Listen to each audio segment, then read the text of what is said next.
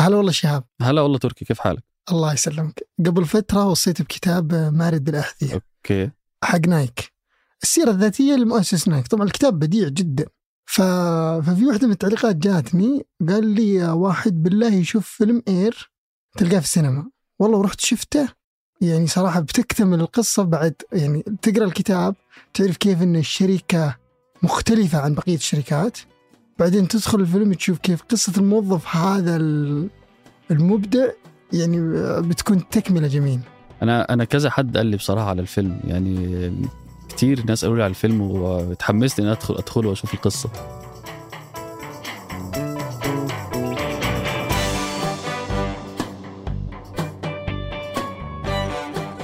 هذا بودكاست الفجر من ثمانية. بودكاست فجر كل يوم نسرد لكم في سياق الأخبار اللي تهمكم. معكم أنا تركي القحطاني. وأنا شهاب سمير.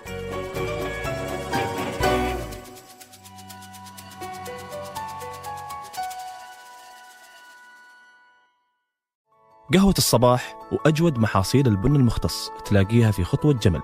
اعرف أقرب فرع لك من الرابط في وصف الحلقة.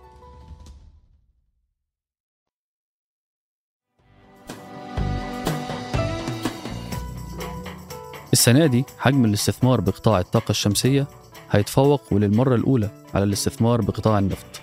فصحيفة فاينانشال تايمز كتبت إنه من المتوقع إن يتم إنفاق 1.7 تريليون دولار على التقنيات النظيفة مقارنة ب 1 تريليون دولار على الوقود الأحفوري السنة دي. وممكن التحول ده يبين الطفرة اللي بتعيشها الاستثمارات في قطاع الطاقة النظيفة بالعالم خصوصا مع التوجه العالمي للحد من الانبعاثات الكربونية.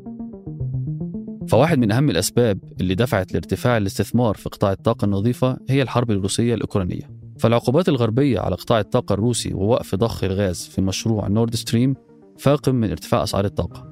خصوصا وأن الكثير من الاقتصادات الأوروبية العملاقة زي ألمانيا كانت بتعتمد بشكل كبير على النفط والغاز الروسي فوجدت أوروبا نفسها مجبرة على التفكير جديا في بدائل تانية من بينها خطة أقرها الاتحاد الأوروبي لخفض استهلاك الغاز. وعموما في الكثير من الدول الغربية بتحاول إنها تتخلص من النفط الروسي وتستقل عنه. ومش كده وبس وعن أسواق الطاقة كلها وتقلباتها المستمرة بالعموم. ولذلك فهي بتشوف إن البديل هو الاتجاه لمصادر الطاقة المتجددة. وبالفعل استثمارات الطاقة الشمسية اتضاعفت في أوروبا من 2018 ومتوقع إنها تزيد ثلاث أضعاف في السنوات القليلة اللي جاية. وزيادة على كده فإن تكلفة الطاقة المتجددة أرخص من تكلفة الوقود الأحفوري. وده الشيء اللي بتدعمه الأرقام. فتكلفة الكهرباء المولدة من الطاقة الشمسية انخفضت بنسبة 85% في العقد الماضي. أما تكلفة طاقة الرياح البرية والبحرية فانخفضت بنسبة 60% وبفضل الانخفاض ده أصبحت استثمارات الطاقة المتجددة أكثر جاذبية خصوصا في البلدان منخفضة ومتوسطة الدخل. وعلى الرغم من تحقيق الكثير من الدول العربية أرباح قياسية من ارتفاع أسعار النفط والغاز لا سيما كبار المنتجين من دول الخليج اهتمت الدول دي أيضا بمشاريع الطاقة الشمسية والمتجددة. وبيتوقع أن حجم استثمارات الطاقة المتجددة في الدول العربية يوصل لتريليون دولار بحلول 2040 ومن الأمثلة على هذه الاستثمارات مشروع أكبر محطة طاقة شمسية أحادية الموقع في العالم واللي هتنطلق عملياته بنهاية 2025 في منطقة الشعيبة في مكة في السعودية. فالسعودية بتخطط إنها ترفع من الاستثمار في مشاريع الطاقة النظيفة خلال السنوات العشر اللي جاية عشان تواكب أهداف المناخ واستراتيجية التنويع الاقتصادي. أما الإمارات فأعلنت عن خططها لتوليد نصف احتياجاتها من الطاقة من خلال مصادر متجددة بحلول 2050 واللي في صدارتها الطاقة الشمسية بالطبع.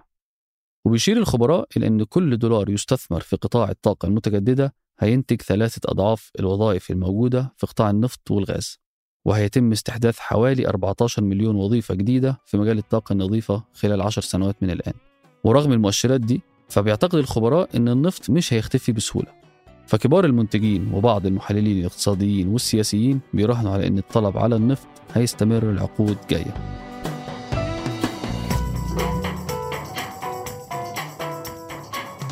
وقبل ننهي الحلقة هذه توصيات لنهاية الأسبوع في صالات السينما يعرض حاليا فيلم الأكشن قندهار من بطولة جيرارد باتلر واللي يحكي قصة عن عميل من ال CIA راح لمهمة سرية في أفغانستان ومحاولاته للهروب مع مترجمه المرافق بعد ما تم كشف أمرهم. المميز أن معظم مشاهده تم تصويرها في مدينة العلا ومدينة جدة في السعودية. ومن عالم الكتب نرشح لكم كتاب عزاءات الفلسفة للفيلسوف البريطاني ألين دي بوتون واللي يشرح فيه كيف ممكن تساعدنا الفلسفة في الحياة. من خلال طرحها لأكثر التجارب الإنسانية صعوبة وتقديم أساليب للتعامل معها بناء على آراء أشهر الفلاسفة من مختلف العصور بأسلوب بسيط وشيق. أما من قناة The Verge على اليوتيوب فنشرت هالأسبوع وثائقي قصير يحكي قصة فشل جهاز الكمبيوتر ليسا اللي صنعته شركة أبل وأسطورة دفن أكثر من 2000 كمبيوتر منه بشكل سري في مكبات النفايات في مدينة يوتا بأمريكا.